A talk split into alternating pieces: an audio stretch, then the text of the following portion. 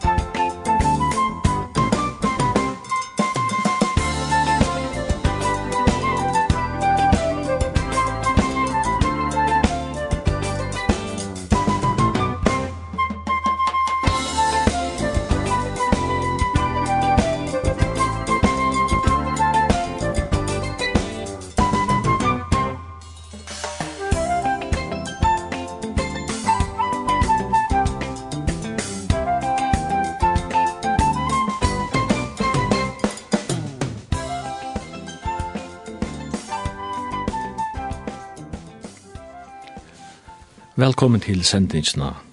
Bilge langt her i Linden i morgon. Og verst er Sjøymen Absalonsen, og jeg fyrir leitja fyrir vi a lesa ur Johannes evangel kapittel 19, og fra vers 28. Sujane, vit her at Jesus visste at du var alt fullgjørst.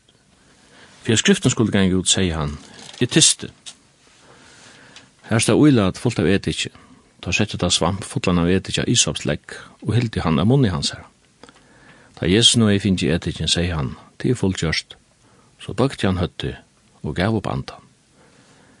Vi tar det var tilhøringar daver, bau jødane Pilatus om at bøynen utan skulle være bråten, og likamne tidsi nyer, så det skulle ikke være hengande krossen om sabbaten. Det hesen sabbater var stor. Hermennene kom så, og brotu bøynene fyrst i øron, som krossfeste vær sammen vi Jesus, og så igjen i hinnom. Men da det kom til Jesus og så at han langt var deier, brodde det ikke bøynen ui hon. Men ein av hermannen stakk han i syna vi spjøte, vi tar samaran ut blå og vatten. Tann og hever sæt til, hever vittnat til. Og vittnesbord hans er i sander. Han veit at han sier satt for at øysen tid skulle trykva. Toi hette hendi for at skriften skulle genge ut, Anki bøyne i hånden skulle være bråte. Og oppater sier Anna skrifsteg, de skulle vente egnon mot i hånden, som de har stundtje og jøkna. Vi får nå høre sangen, Vær til fire med,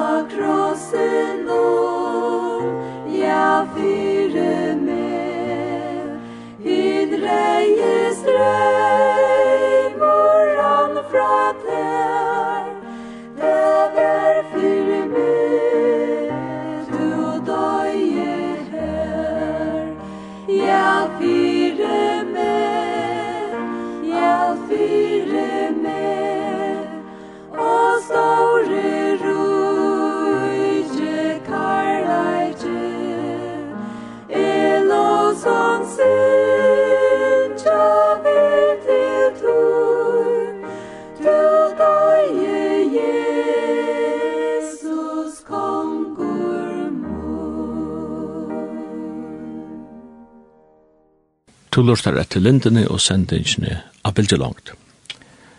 Og her i morgen så har vi finnet jo en gjest i studiet, og gjesten til er Asa Lutzen. Asa, god morgen.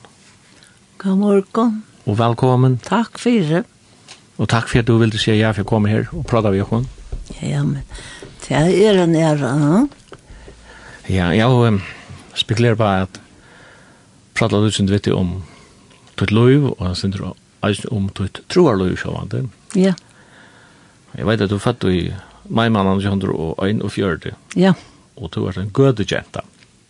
Gødegenta, norra gød. Norra gøde, ja. Ja. Altså, du har ikke på en av deg, den sier noen øyne fjørte til er midt under hersedningen av fyrjon under krynon, og fødte meg manna, og jeg kan råkne ut til to er fyra år gammel. Mm cirka her, du fyllt fyra akkurat her, om det her mundet som krutje var av sånn.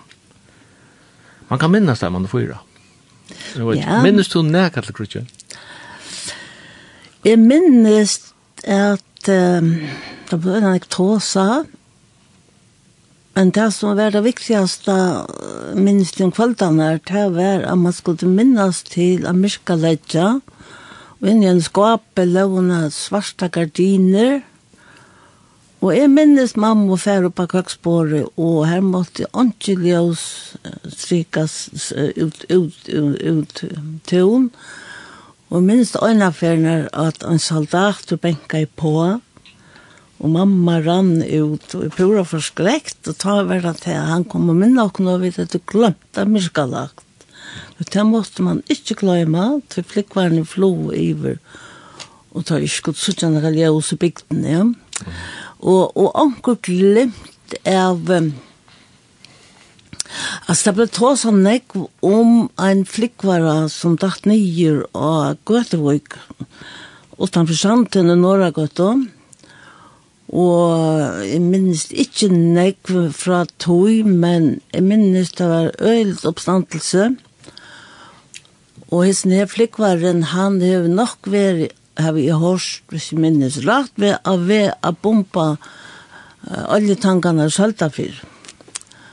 Og hver han er blivet rakt, og hver er skått, det har vi glemt, men lukka mye at han nådde pomøye og, og nøylente så av utkjene. Og så får båtar i vår, og vi får fjørene, og, og det var et øyelig snakk i bygdene. Mm Og hese soldatene blev så kortet inn i huset Syregøtt og så Leon Johansen da minnes det. Og, og her fikk det så mæt og, og det var ja sikkert nok blivit det føringar er bare så. Ja. Og så kom myndløkene rett til Daimon og førte det til havnar og fikk det av landen. Hatta stender øysen som et, et minne Og er måttar uh, var ikke så grunn av nekve soldater, gøtt og nekre. Det var ganske mest i Skalafjøren og og her ut. Ja, og man sier også at da i Krutjøven la med enda, da var det fleste hermen leksjan ferdig, så. Og i Øynefjør var det bare det meste i fergen og alt. Ja. Men du er um, ikke ansamme at la er sikkert noen du gøtt? Nei, um, Det var åtta? Det var åtta syskjen og en, en søsnabann bo i 15 år. Mamma var sjuk, så han bo. Vi var, vi var mm, fullt hus.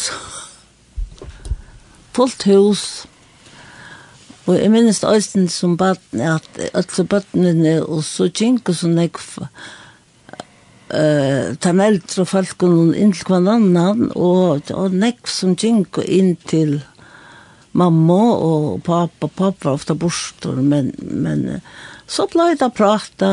Som där så det spalt och tjavs och og, og drekka munnar og, og som det var i öllum bygduna at man samlaist og så kom en kona som alltid pleide kom om kveldan der gitte etter, og var så stortlig og Og, og vi ville ikke færre sång for en gitt jeg fortalt noen søver, og så lortet det etter um, gå se at din søvann som Marius, Marius har skolan läs uh, fäckar fer, Mm -hmm.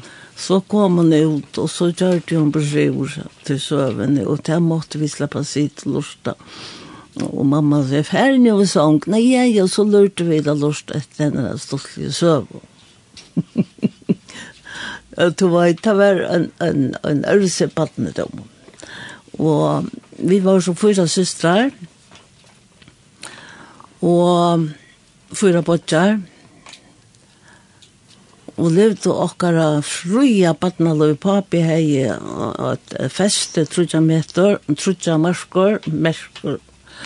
Så vi åtta bøyen rundan om husene og vi okkara kreaturen og, og, og neit og seg høner og donner og Og jeg minnes særlig føringardagen som jeg kjente meg, ta i sølgjenar og som mørte og lompene og og ta på å spyrja meg hvis jeg var ring og lær som på at nei, fyll du jeg fikk kjent av meg og så ble vi klær så ta avvarska jeg med at at jentene kom da og knyttet sølgjekrans og, og om hår og, og bøyn og alt det var utan.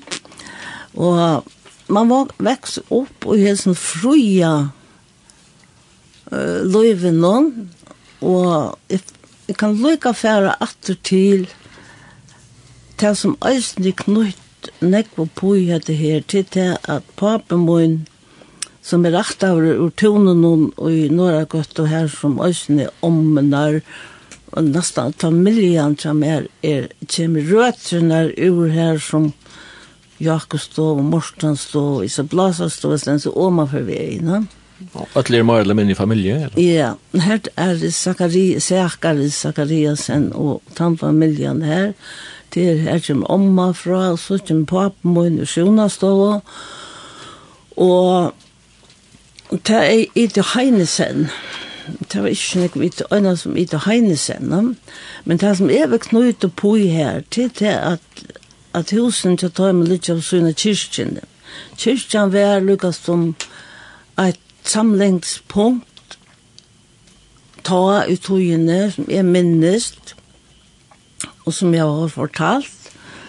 Og papen min var organist og klokkar i nøkron trusjår, og Og jeg minnes nek som baden at sånne måten her, så skulle det rinja strutja fyr, som alle stedene, ja. Og, og så var det å få klokkene, det var det at, at, at, at lengt arbeid som det går, ja. At klokkene skulle rinja kan tutja et og tølv. Og så var det ikke alltid papp fikk tog, ut, og jeg ångte hverandre tips, og så var det bortjaner som skulle rinja, og så var det dem at mamma sier, du sier ikke at jeg sitter oppe i tårnen og nå ringte i sin øyne, og jeg skal si at tanke til det, ikke du vet, og så var det ordentlig øyne i hånden.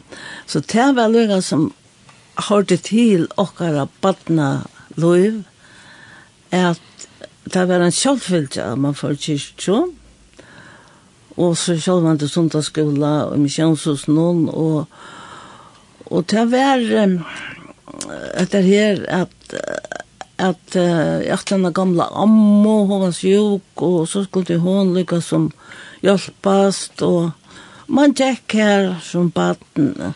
Og jeg minnes også når kvöldene her, da jeg papi pleide å Arne for sjank, så sette jeg seg ved vi okkar å slå ved orkol, og så spalte han en trutja fyra solmar, og han enda i alltid vi nærmere min god tøyne.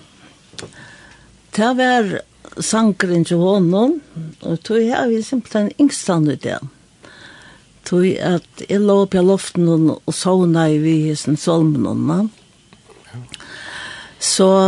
Du sier bare til du skulle få spela han bare på en av vi eller venn. Sanjen. Men um, jeg kom til tosa lunge, lunge, lunge om min badtom, østene om om om jeg kan lukka nevna, jeg vet ikke om du har noen spurning i middelen her, men jeg halte jeg for å nevna hin appan, som bor i sugen av okken ut av fløten utenfor kajen i Norragøtta. Han er veri en, en, en kjente medvor innenfor sitt øke i førjen ta, tog at han tog til alt. Han hei, ja, alt, ja.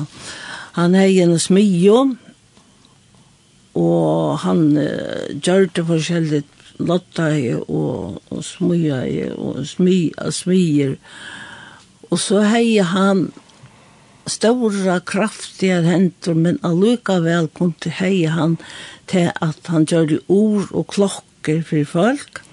Og så så stora hånden og ta minnes det han sæt vi sånn pinsetten vi så smast og julen og Og folk kom allastan fra vi klokken og, og oron og, og lotta og få just forskjell til stand.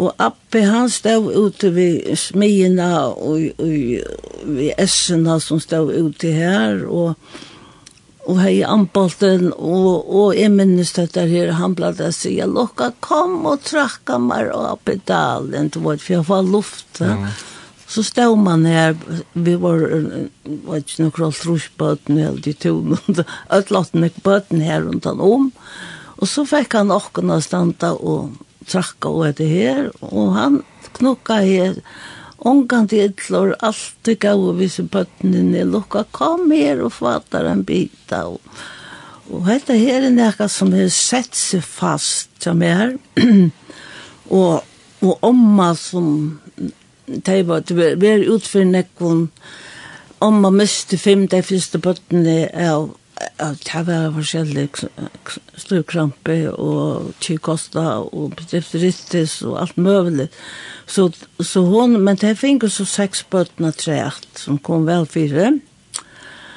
Og mamma min er så øyn som er oppvaksen usen her, og mamma min var uh, Og hun uh, vi, jeg, hvis jeg kan si året vite begærlig.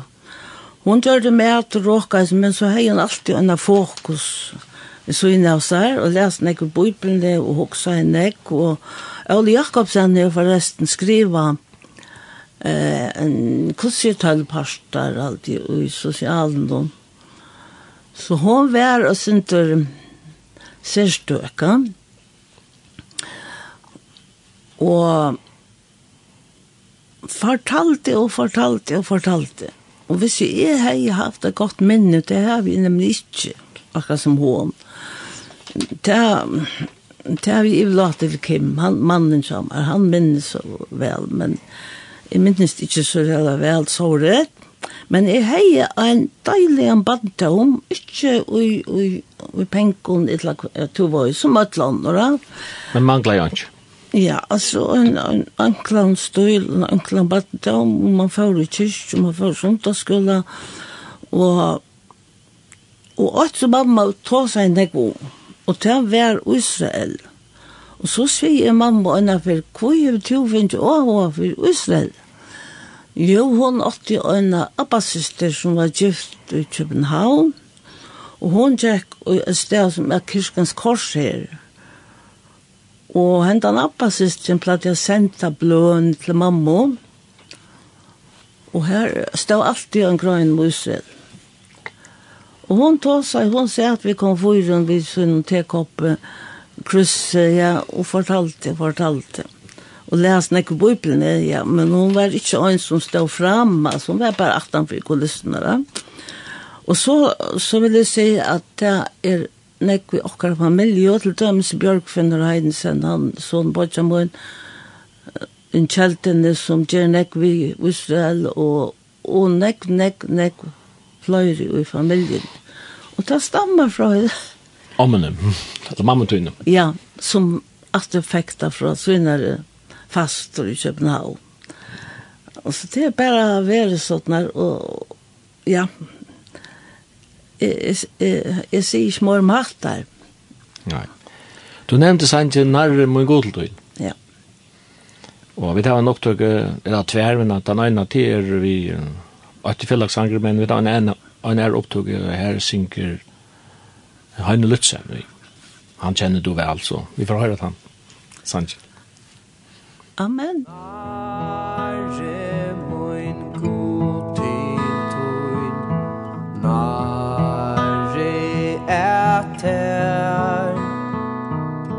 Ma e en krossen tuin Bera a mer Ljöa skal harspa muin Nei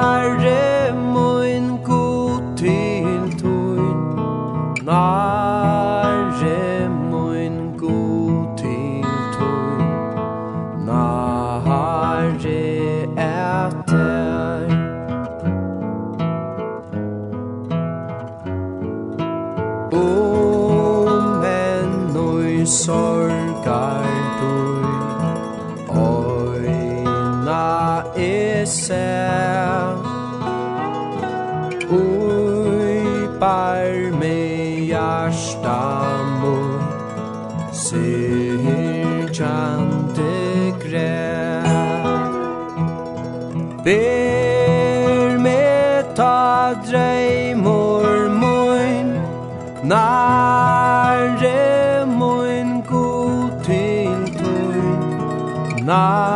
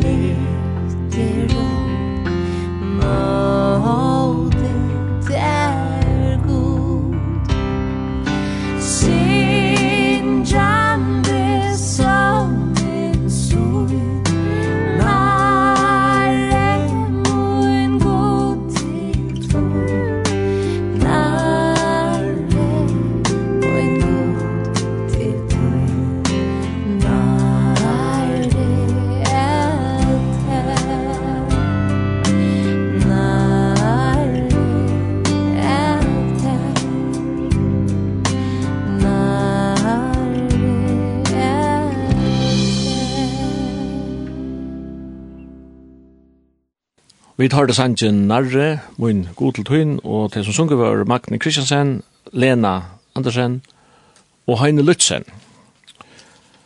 Og gesteren i studion her i Lenten i morgen til, er, til mamma Heine Lutzen, til er Asa Lutzen, som er atter Norragød og fortalte synder om sitt liv her ur Norragød.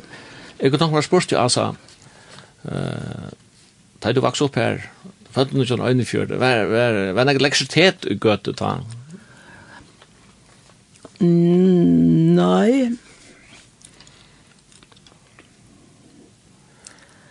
Uh, appen, men det kom iver uh, i Syregøtta, uh, kanskje minnast om det var sørst i fjørten, det var først til trusjon, ta var alt som er her som har renka vi katten, nei, ikke Nei, det var en firma som hei fisk i, i Gregerns mennene hatt og til hos her, ja. Og ut i bygningen ble det gjort en, en el uh, funksjon, hva skjer det, ja, det kan mye. Generator eller også. Ja, også rolig. Og vi fikk så, ekstet øyne per i køkken, men åren til, hei appen min utja seg sjálvun gjørst en dynamo i tjattlæren om hver ui. Hva jeg minnes til fjøren om at det var lekset til Abba, man vet at det så ikke er sted. Vet at det stormkring og lamper og, og ljøs og alt det som papi, alt det tjekk oss. Og, og man rører i vi å få at det er rikka. Men jeg mener til å være først ui halv fyra, fyra parten av trusjen om hver vi får lekset ur kyrkgøtta Og det var så dårst, det kostet en kron og kilowatt. Oh, det er ikke litt. penger ta, først i halvtrusjonen. Så vi tatt en 15 vats per og hengkante under loften og køtjen, og det var det. Men så satt ni og i tøyene så, så kom det mer og mer, da prusen ble vi av hver en kron, og Men jeg så ikke bare, jeg halvtrusjonen over øra lute av pengen. Ja. Så jeg jeg kan lykkes nu får nu färra vi fra badendom och nu färra inn og ta jag har kanske 8 år när tjej år skola. Ja, och uh, skole var här i Göteborg. I Göteborg. og her var um, vi han vi kallar jag lärare. Men kona som kjente han er vært en oforlærare Han han plagde å være at han ble gammal og avløsa lærintene og hun er at Helga Øregård og kona til Øregård og og jaktlærer som vi kallar Jakob Simonsen og Paul Enok Hansen. Det var læreren til trutjelærer hundra Fantastisk. Ikke nek plass, men ute i gamla skolan, lite plass, men Men det er sikst at, at gøtebøten var, var og særlig at tarsen for kibare, at der har alltid finnet øyla gaua eksamen, gaua lærere. Og, og gamle kona var øyla strengkor, men samtidig en gaua lærere. Så jeg kan ikke skola her og ferdig utskolan som 14 år, tog at um, agenterna og slupp ikke ordentlig ut av læreren, jeg har vært ut av vårønge, og ikke mulighet, men mamma og pappa satt alltid at røngen skulle ut av læreren, at hun tar skulle få skafta familie og penger og alt det her. Så at jeg færre bare ut av arbeid fisk og filet, og, og, og som alle henne kjentene, og, allt innanför det såret så var ut för vi att passa barna koner och allt möjligt såret som som var vanligt. Og jeg fikk så en tur i Danmarskar og Haskola og i Luthers mission Haskola i Hillerød og nå kjent det Trus. Og ta minnes det Elsa Jakobsen, sysna Batne, hon var og nå kjente Trus sendt ut som første missionerer ur Førjon, hun førte til Etiopien, og hun var her i nøkker 30 år. Jeg minnes det at, at hun ble sendt ut fra Luthers mission i Førjon, men, men samarbeid vi det danska. Og hun var en personlig av Bursre, og hun var så familie av pappas så alt. Søster Esmar og Sona og til kända. Per. Per, ja de var så trettan syskjen. Og, og hun mamma Torra var så, så fast mot. Pappa min er Heine, Heine Heinesen, og jeg har en bortja som heter Magnus Heinason. Han finnes seg et navn Heinason. Men jeg fer så høyskola og kom så aftur og arbeidde sinter her, og så en dag så, så jeg minnes det at jeg vidt at Toskarhøtt til Døvram, Så mamma hon satt och som man kört och talade med latin. Så sier hun, det er det ständigt en plats eh Pia eller jeg vet ikke ju så att hon skulle förskund til Valdemar Lutzen. Så sier hun, er det näka for det? Nei, Det er alltid inte sig. Jeg har visst när han vill jag kan ta ord och sånt. Taljoa är så näkt, du vet. da. Så Så sier hun, skal jeg fara ta seg ved sona, søsna på tjater. Han er vel nøytjan år, så valgte man lussen. Her ute, ja. Så sitt hemmas til hun. Og hun ringer så til sona, så hun sier, så jeg søk bæra, det gjør hun ikke om du søk. Og når det er at han nå, nå ringer jeg deg at jeg skal bare møte opp, ta ta. Og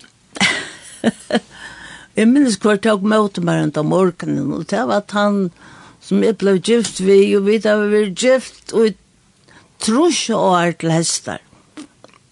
Kim. Kim. Vi fikk så fyra bøtt,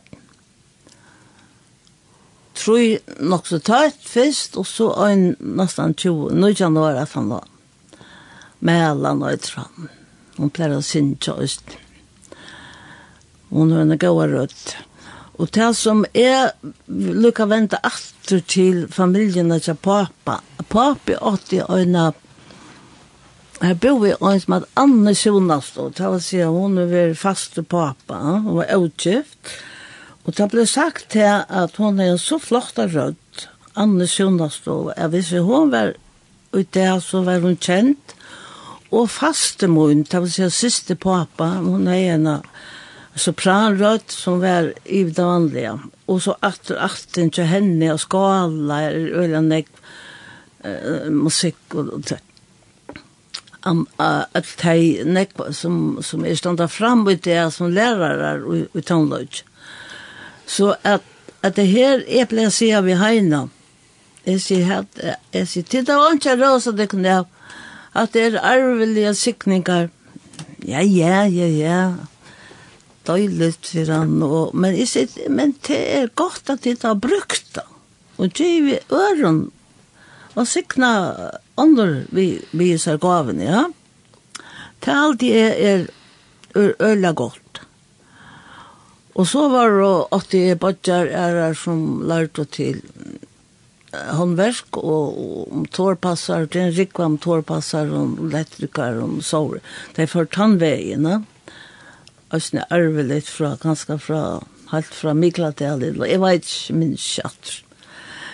Ja, men, men, uh, ikke her, og så er jeg ved nødjo om og abba bøtten, som er øyla fitt, deilig, og jeg halte at man kan sitte lunsjen, men nå færer vi og sier, uh, ja, jeg vet ikke, jeg kan spørning, kvært, det er kommet til Du får fyra bøten.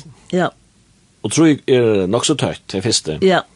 Og så kommer jeg nok så lengt at han. Lykke han Og født han samme det som du fyllte, ja? Hun fødte han dag, hun kom han dag, jeg fyllte 43 år. Ok.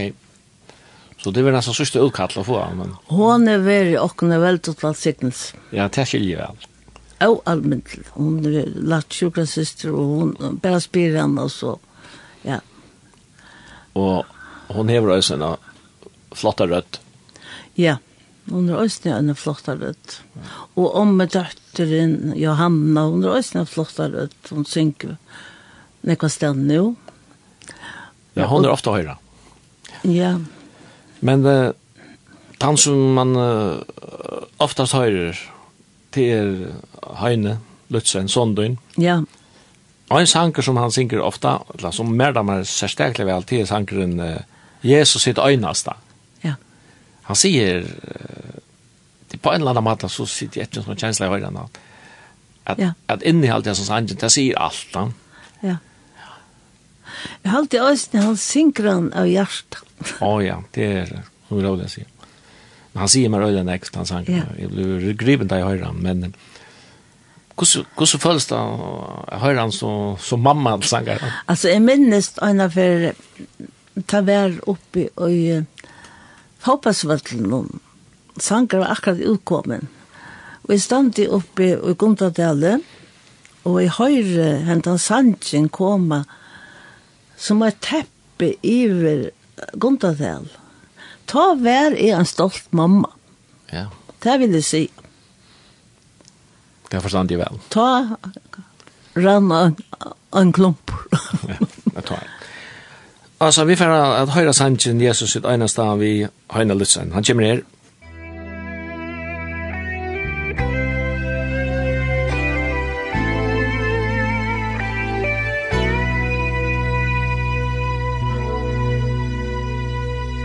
Jesus hit einast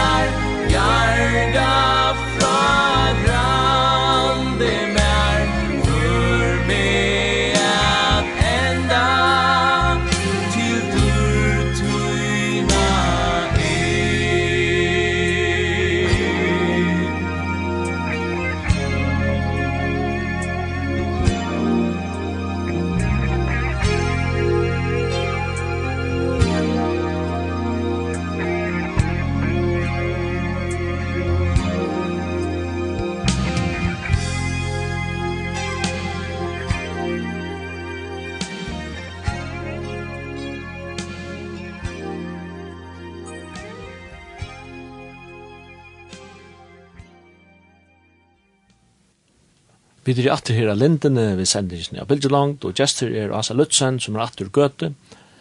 Født under John Øynefjørde, og kommer til Havnar, og første trusjen, og giftes vi Kim Lutzen. Og, altså, til det var bo nere av skala, tror og i Sujan Nujandr og Nujandr, tror her laia. Ja, bytte bo, og først var jeg av Bridgebakkan, i endan her. Så flyttet vi ut i den gamle husen der som Kim var som baden, og her ble vi fyra år, så bygde vi husene sint langer oppe, sånne landslaknene, og her har vi bo så igjen 1993. Og her er det enn? Her er vi enn, og som sagt, trus år, jeg var vidt vi gift den 3. november. Ja, ja, det er spennende. Du, Jeg var i Godbild opp tjatikon, det minst det. Ja, og, og uh, inn i fabrikken her til Østrømma. Ja. Altså, det er sånn at um, her er nekker bygninger, og, og Valdemar Lutzen åtte en sånn som er Måkens, som hever arva hæsa der, og så øye Måkens tvarsynir Valdemar og Kim, og Og tar bygningene er så blevet dølter hver og i, og i Valtenberg så hever sin parst og hvem hever sin en parst. Mittlen andre fabrikkene, de gamle fabrikkene og skøyva pakkes og Og han hever så ivelagt det til de fyra bøttene som så hever danna seg et firma, firma Raktara, at vi Raktara en renner i kjøkkenen her, Og de køyre så vi er, ja. Ja, ja. Og, og vi ble njóta det hjemme. Vi på gamle. Så er det akkurat som det skal være. Ganske. Akkurat som, akkurat som, og så vi kjenner det og sånt. Ja. Så altså, vi venter alltid til, til 1970, ja. Ja. Da er, som også bøttene begynner å vekse sin der, og, men det hender forskjelligt At det er andalige fronten nå? Han til Øyland ikke, at det er andaliga fronten nå. Jeg minnes til at det var en som vi kjente som stadigvæk, jeg var åkjem forrige, og han hadde en prøven, Norra, Onke til å være en byen som er langt mur, og det var vetjengar, bare sandøtene og våtene og rundt om. Nek folk ble frelst, Og jeg langtest og be og alt møvlet, og då ikke bare sier takk, og jeg ble via bia, og, og egentlig det at jeg ble tidsen i nakken, og sånn, du skal du takka for frelsene. Og så, og, og så ble vi frelst i 1988. Og vi tatt om, i minst at det er vi Kristus svære, det er det å være, det er til å være, jeg hadde hattene Kristus svære, det Hvis ikke være her aløy, kanskje du ikke drar det nøysen. Ja.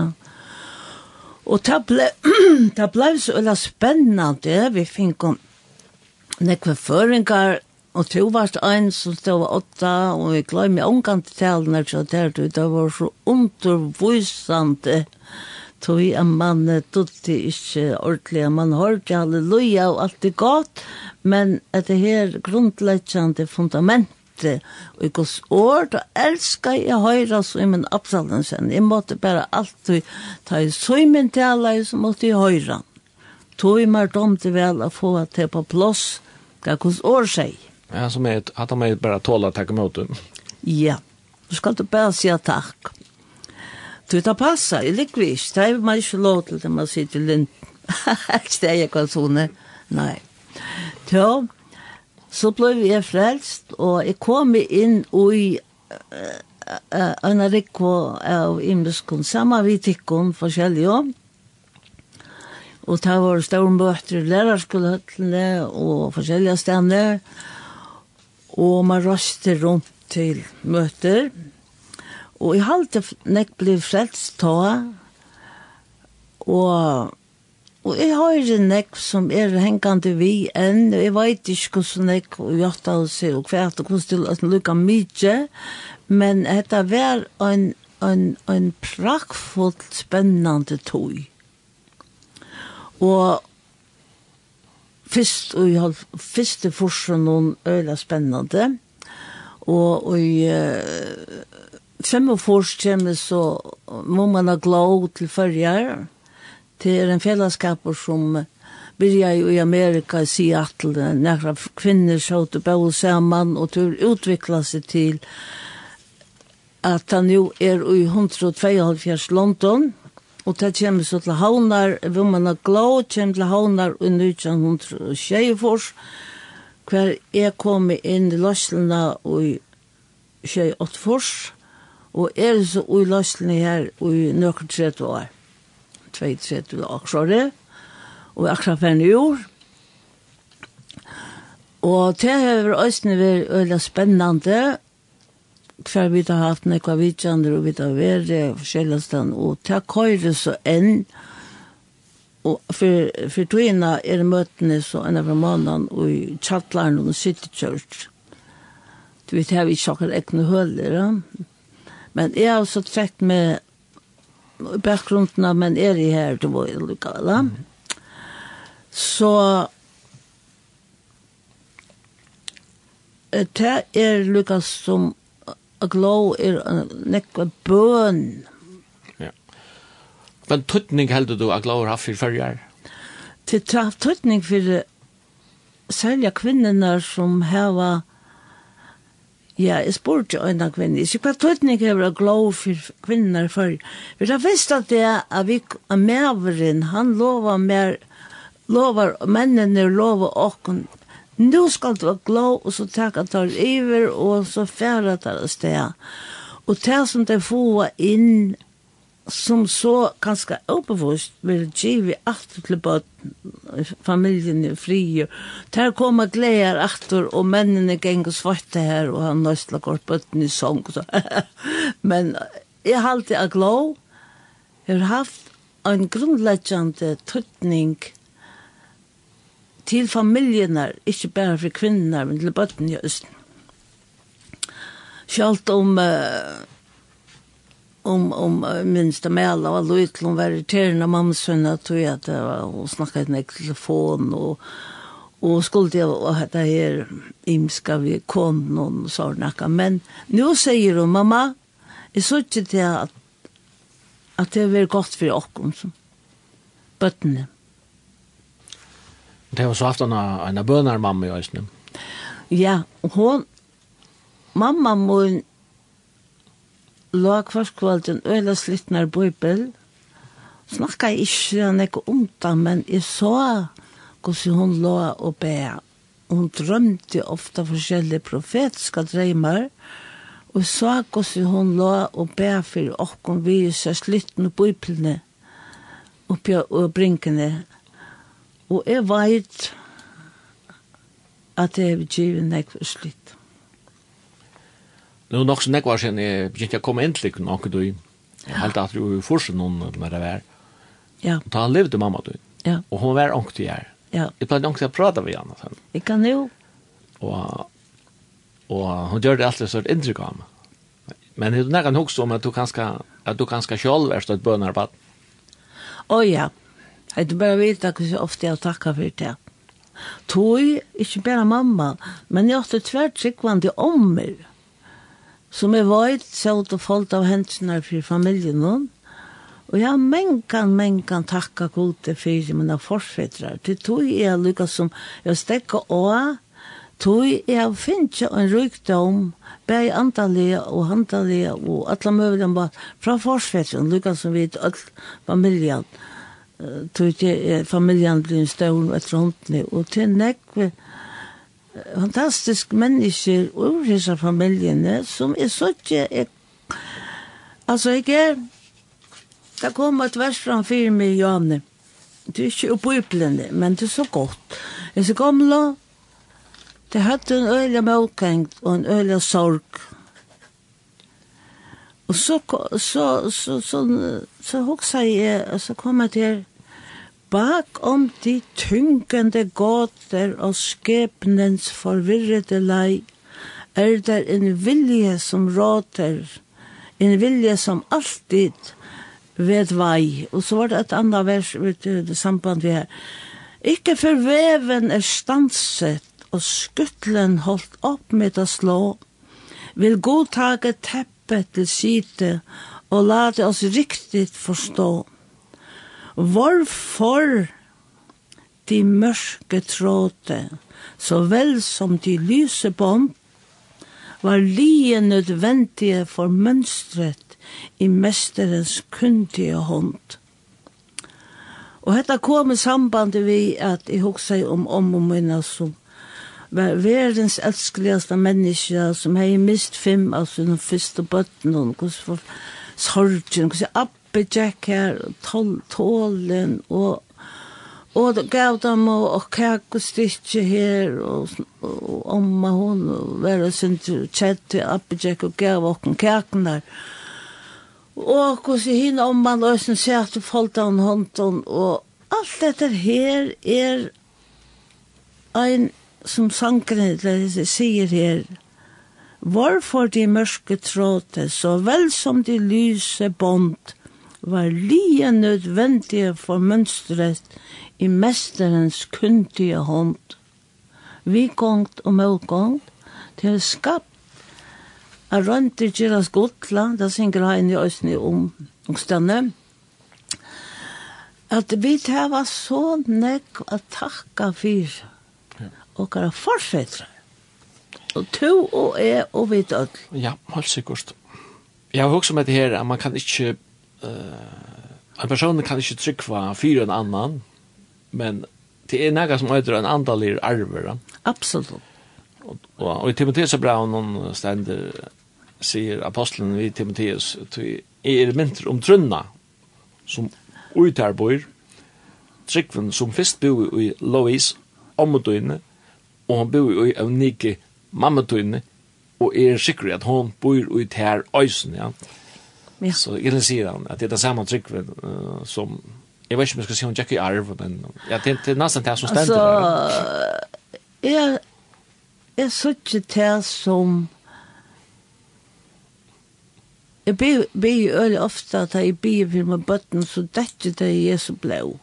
Og det gjør det det gamle, det brukte hun ikke, sier mamma, det brukte hun ikke at dekka det Jesu blå, og og sanjen, nek var sånn dansk og gamle sanjen, om det handla om om blåt dette, og så begynner det at omsette navnet til nøye, og nøye er nøye, og miskon er miskon, og blåve er blåve.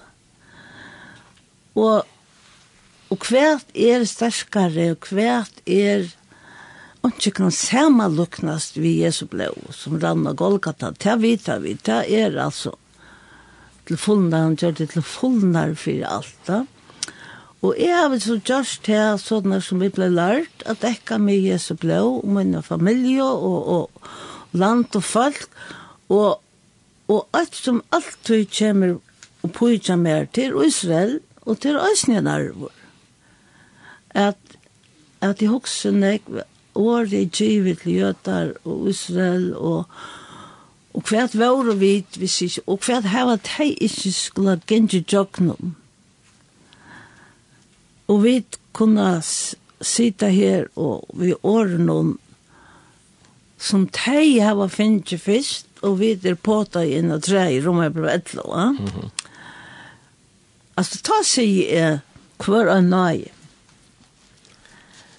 Ja, jeg vet, Rombra, Nutsjo, Tutsjo, etter, det er slipper han ikke om til man tåser om Israel. Nei. Nei. Og, Nei. og mannighetene, kan man si, og alt det. Og han kallar, han sier, han sier at uh, han sier i, i Etlo, Trujur, da han tåser om alt det her som, som god gjør, og hans er, hans er uh, visdommer, og hans er ras som ivegonger, alt det, så sier han, og rykdomstjup, visdoms og kunnskapar gods, hvordan er ut grundande er ikke domar hans, og er sækande veier hansar. Så hver er kjent sinne herrans, og hver er radgivar hansar. Eller hver gav honom fest, så hon skulle være given vila. Fra honom, vi honom, og til hans er jo alt. Honom er dård, og i alle ræver. Amen.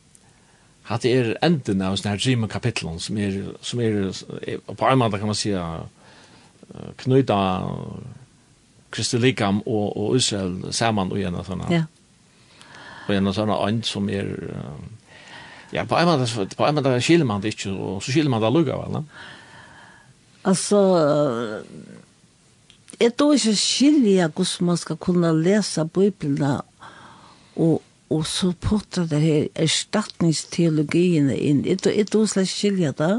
Nu har vi vært selv fyrstan fyrir i Israel, jeg gjerne vil jeg stoppe i øyne for træt, men nu, nå, nu er vi ferdig på en fors, nu får jeg da suttja. Men eh, at Zacharias han tar seg om det, og Guds egnastøyen, og Og han sier også det her at, at folkesløyene skulle komme tro ved kappavelja gjøtan og sier kom, let okken sleppa vera vittikon. Det sender vi Zakarias 8 alltid. Kom og let okken sleppa vera vittikon, du vi så ikke herrene vittikon. Og tar vi bia vi Israel som nu stender under en øylig presse og øtta. Og, og det som er så ikke som mest aktuelt på nu, Det er Ezekiel 38 og 39. Og vi vet at det, at det skulle hente noe ekvislig, ekvislig ting. Og ganske ikke så lengt fram i togene. Ettersom vi hittar ut nå. Men et, så ser jeg at jeg har hoksa om at her, når jeg lyser at jeg har lest åpenbaringsnøysene. Mamma må lese øyne åpenbaringsnøysene, hun ble blind, hun ble gommel. Og så les han ikke, men vi hadde kjøpt en uh, kassettebånd, og vi bøypen lysen innan bånda, og her la hun kvarskvalt og lusta etter om barnsene, og ta seg og spurte og be henne lese for seg. Og så hokse jeg bare, til nek hent, mamma døg i 2005, men til nek hent så han ta, og hente nu, men så sutt i firmar henta mektiga Guds hånden som hever alt under kontroll i sin hånd. Han har sagt okkom til han sier, jeg sier dykna fram en undan alt og vidra dita, men så er det at det er godt at to underviser okkom om disse tingene og minner okkom og undrust ikke i alt det som hendte. Jeg har sagt det da. Det vet jeg ut fra åren. Du nevner Ezekiel uh, 28, ja? Ja, nei, ikke 23, 8 ja, 8 -3. 28, 28, Ok. Uh, 28, det er det torre beinene. Ja, ok. 28, 28. Ja, det er særlig 8 28.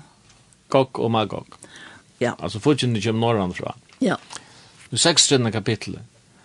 Her stendet det at folk som hever spjatt runt om alla om all land och i allan hemmen skulle komma från allan att nära nere när hemma till sitt egna land och sätta sitt egna rike så. Det är kapitel 6 Och så kommer jag men så är det fortfarande komma.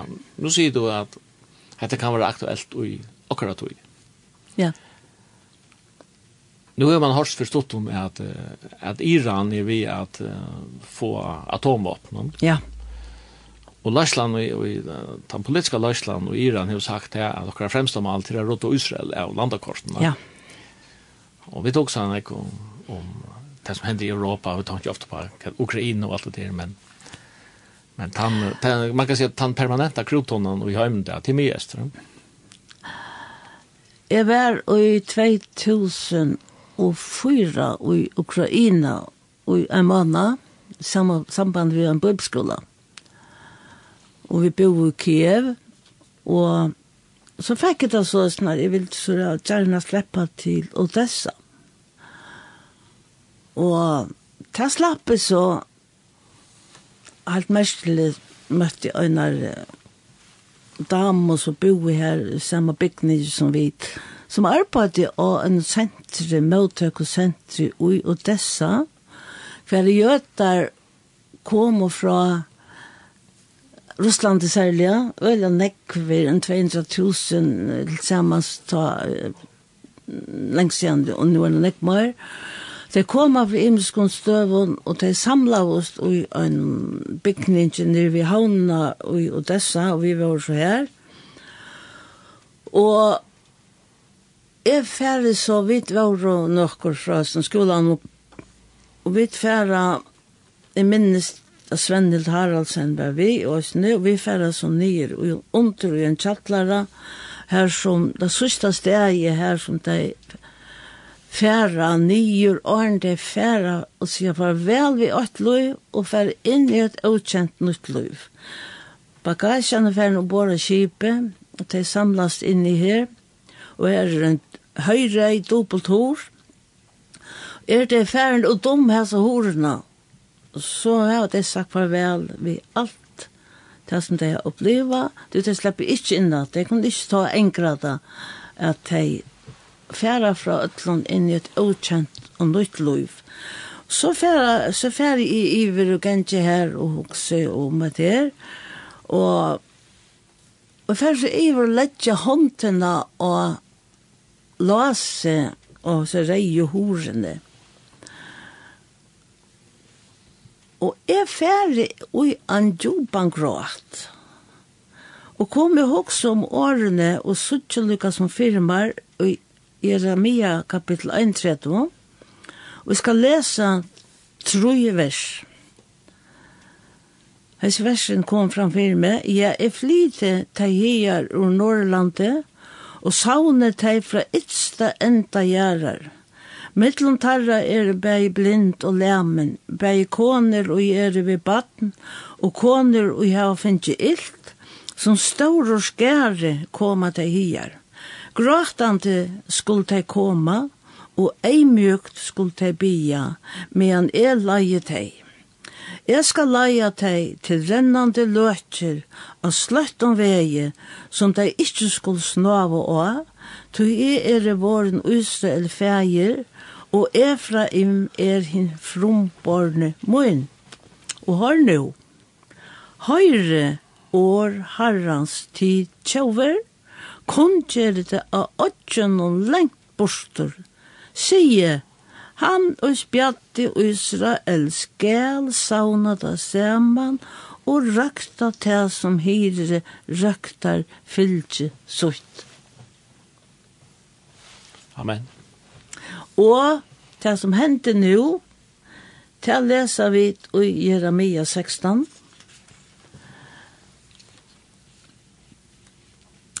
Her stender, men så satt som Herren lever, han og lette Israels menn utom Lårelandet og ur Øtlund London. Her han heier rikjetar, tog jeg skal flyta deg atter til landtarra og jeg gav fetrum tarra, og jeg sendte bo etter mongon fiskemånen, sier herren, og tar skulle fiska teg, så gjerne sendte jeg bo etter mongon veiemånen, og tar skulle stidja teg bort av hverje fjallet og hverje hatt og ur bergskåren.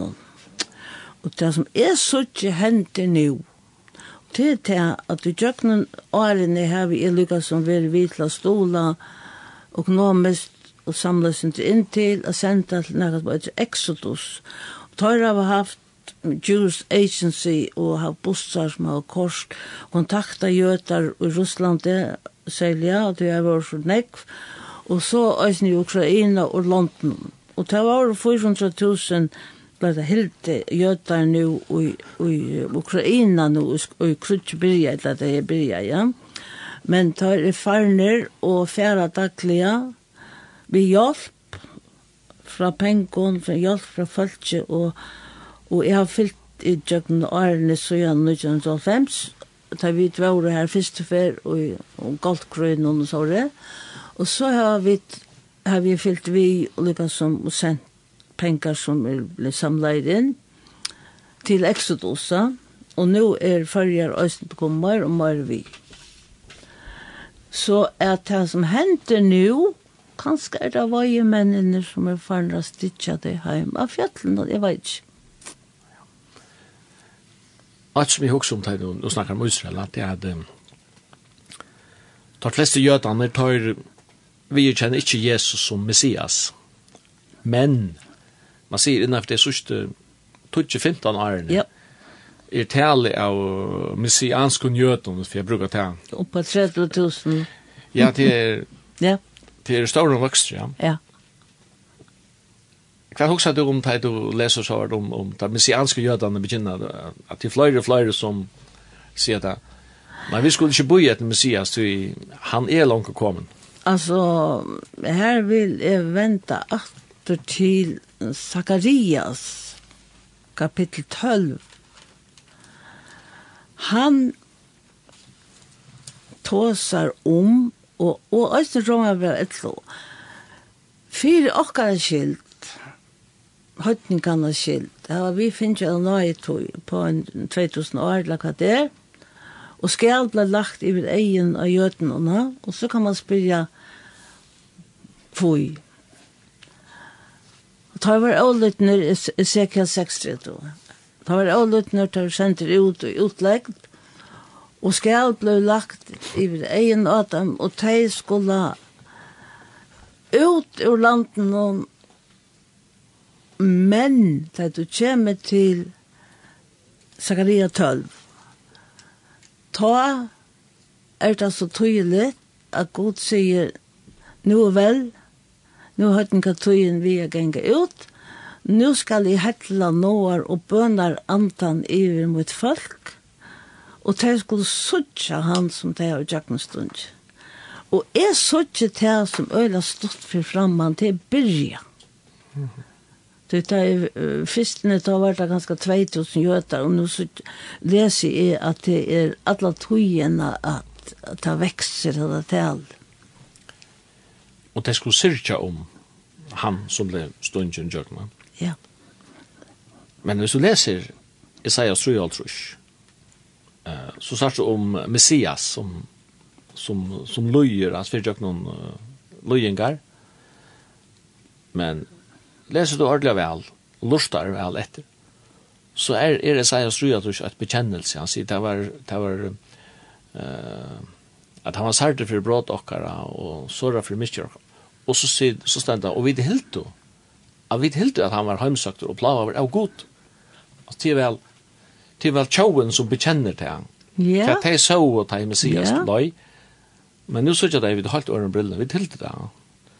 Ja. At han var heimsøkter og plaga av god, men det var sjukker okkar i han bær. Nu sier jeg vi, det var, det var vekkna okkar det sin, det gjør det. Så, så hatt det her i Seier Strøl, er, er mer enn bare lojengar, hatt det er i verlagen et bekjennelse, Så man kan se tandpastren av, av ja. Isaias röjaldrus. Det är något som har en framtid till att det kommer ut i det. Alltså. Det, det är att götar götan. Du, och ta i läse och saren hansara ero vidgrönt.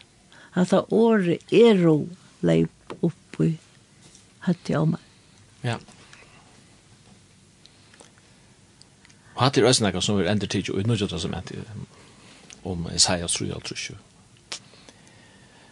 Alltså vi konstant på sport alltså det är to du du är första för i Israel. Ja. Är du är för sist för? Kanske och vill så gärna släppa 15 för. Jag har sett i öron knät någon kvar i min tryck. Och så är det det är i grött. Men jag nu sitter vi med, visst du inte först? Får jag skjölta? Kan jeg fortelle en fitta lilla søv? Ja. En kona samtøyt. Hun skulle til lakna og sptalen hon, og hun skulle til vi baten hon fra skåpen til havnar. Og det var himmels støttna vøver, ungen var her, og henta kona ville gjerne slippe møte opp efter tulja og sptalen hon. Så sier hun, herre, hjelp meg, så sverar han ante hela antenne åter. Jeg får ikke hjelp av hvis du ikke første sted. Mennene hjelp av henne ombord. Pura stille atlan veien til havnar. Da hun trakka i foten på land i havn, ta brast han åt. Og jeg har ikke glemt det her. Hvis du ikke først, så får jeg ikke hjelp det. Nei, det handla. Altså, kan jeg spørre deg, Hvis du skulle fære til Israel, kvært, hva kunne du hugsa der, uh, at kvært er det største opplevelse, altså, du kan, uh, altså, er det oljefjallet, eller er det, eller er det tempelplass, eller er det um, Galilea, Genesere vattnet, eller Er det, er det noe som gjør altså, særlig Altså, det er sånn, det er uh, hugsa med Israel, det første som kommer fyrir meg, det er Genesere vattnet, jeg tror at Ja, vi stod an at at selskap kus at for a balkor. Om bor av en av sån Jesus båten hon. Og jeg stilte meg så fram og i, i forstavnen her, og jeg og en annen stilte åkne bia for Israel. Knapplega nå suttje er firmar og monolinnara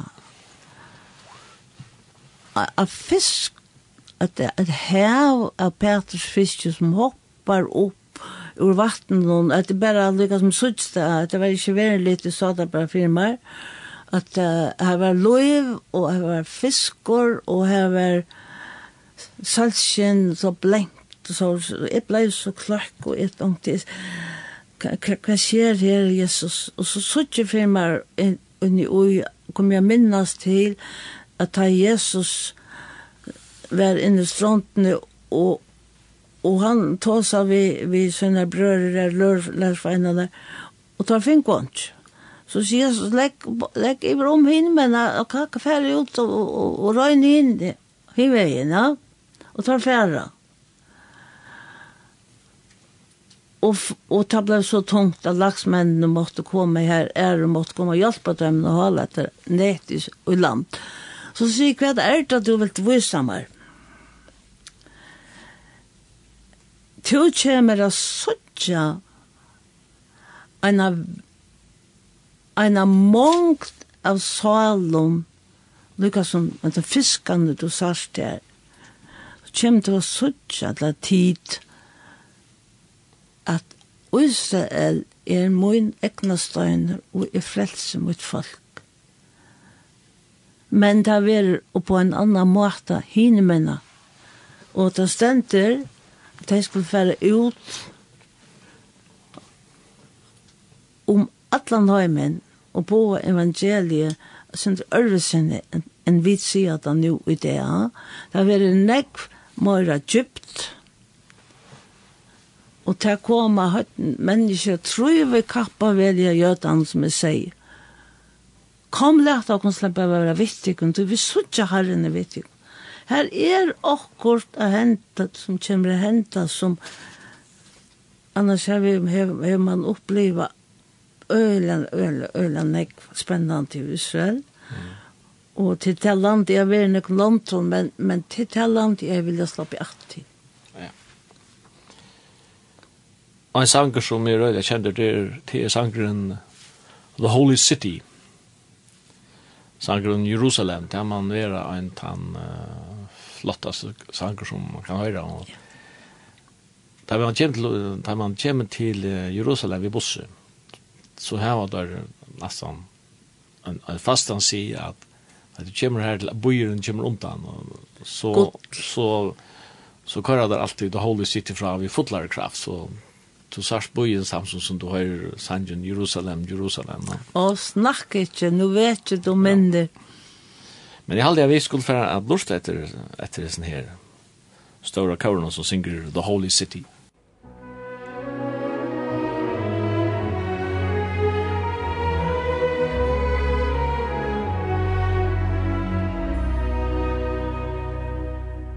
Last night I lay asleep in there came a dream so fair I stood in all Jerusalem beside the temple there. I heard the children singing and ever as they sang. Me the voice of angels from heaven and wherever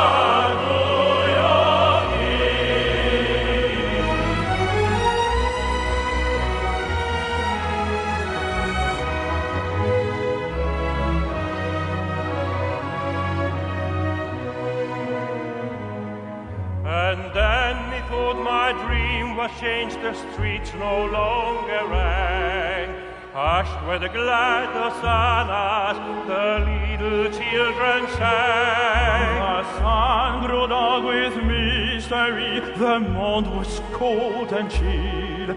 As the shadow of a cross rose upon a lonely hill. As the shadow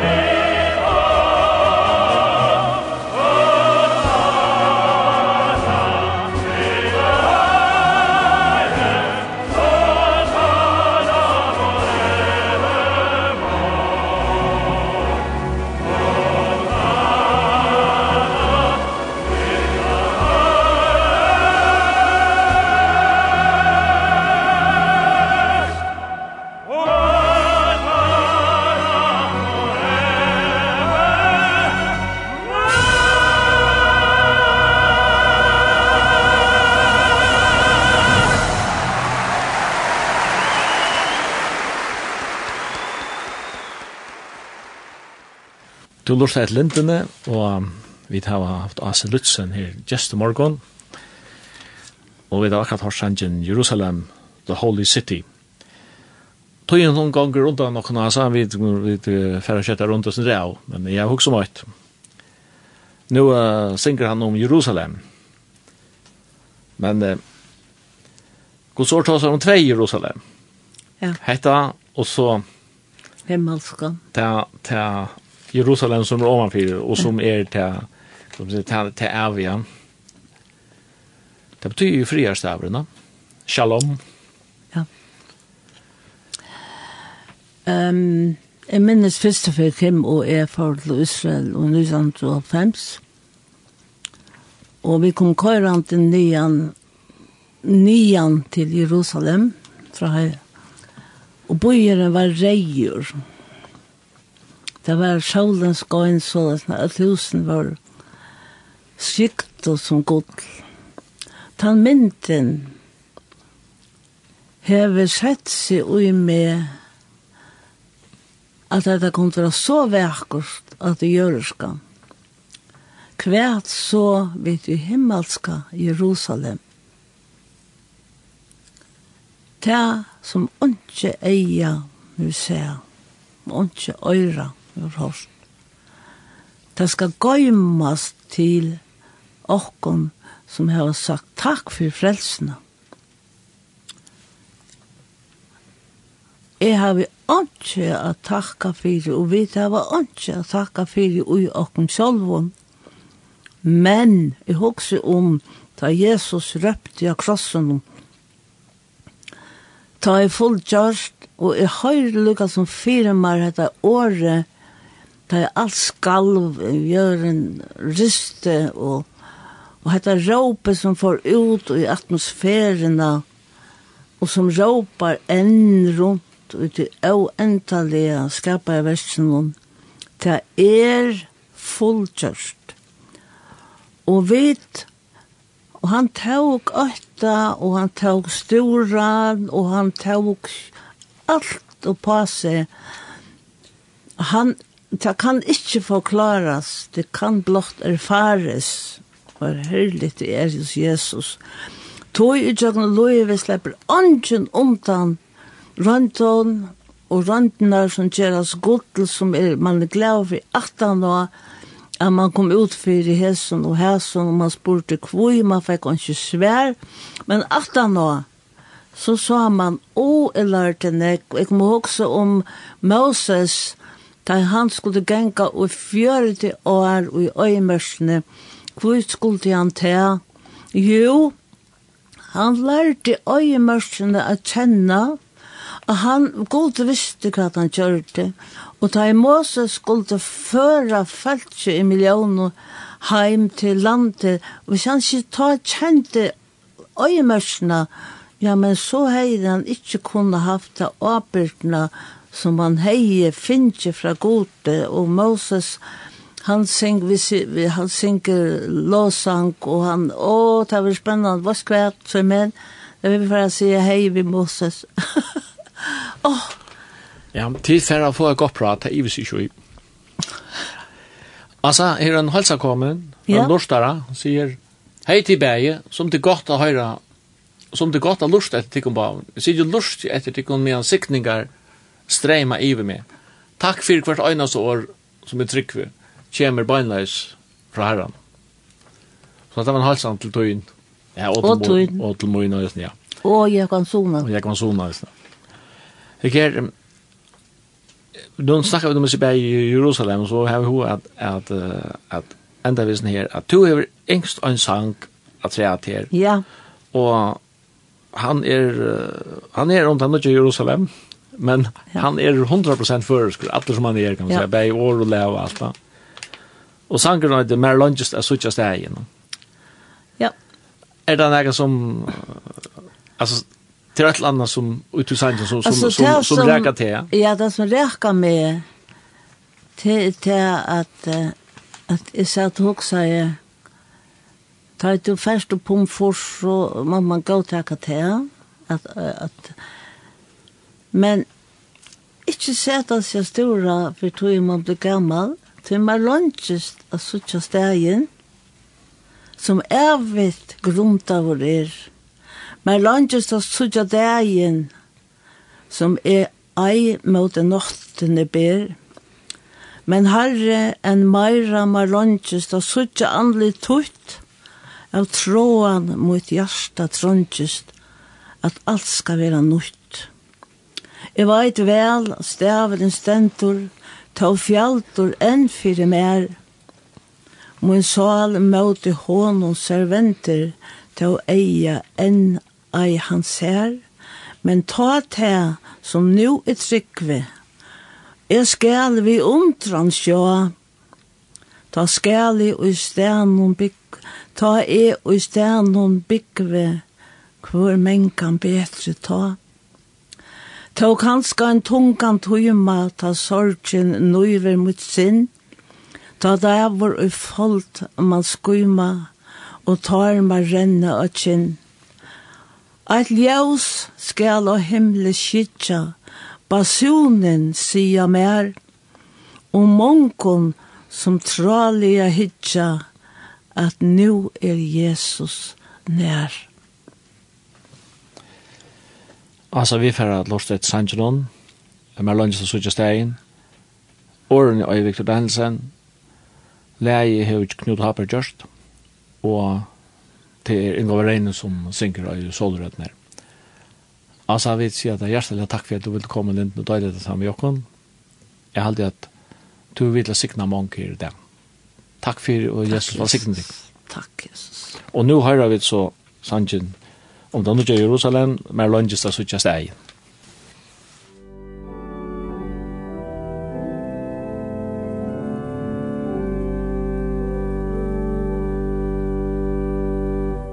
Mer lønges det suttje steg,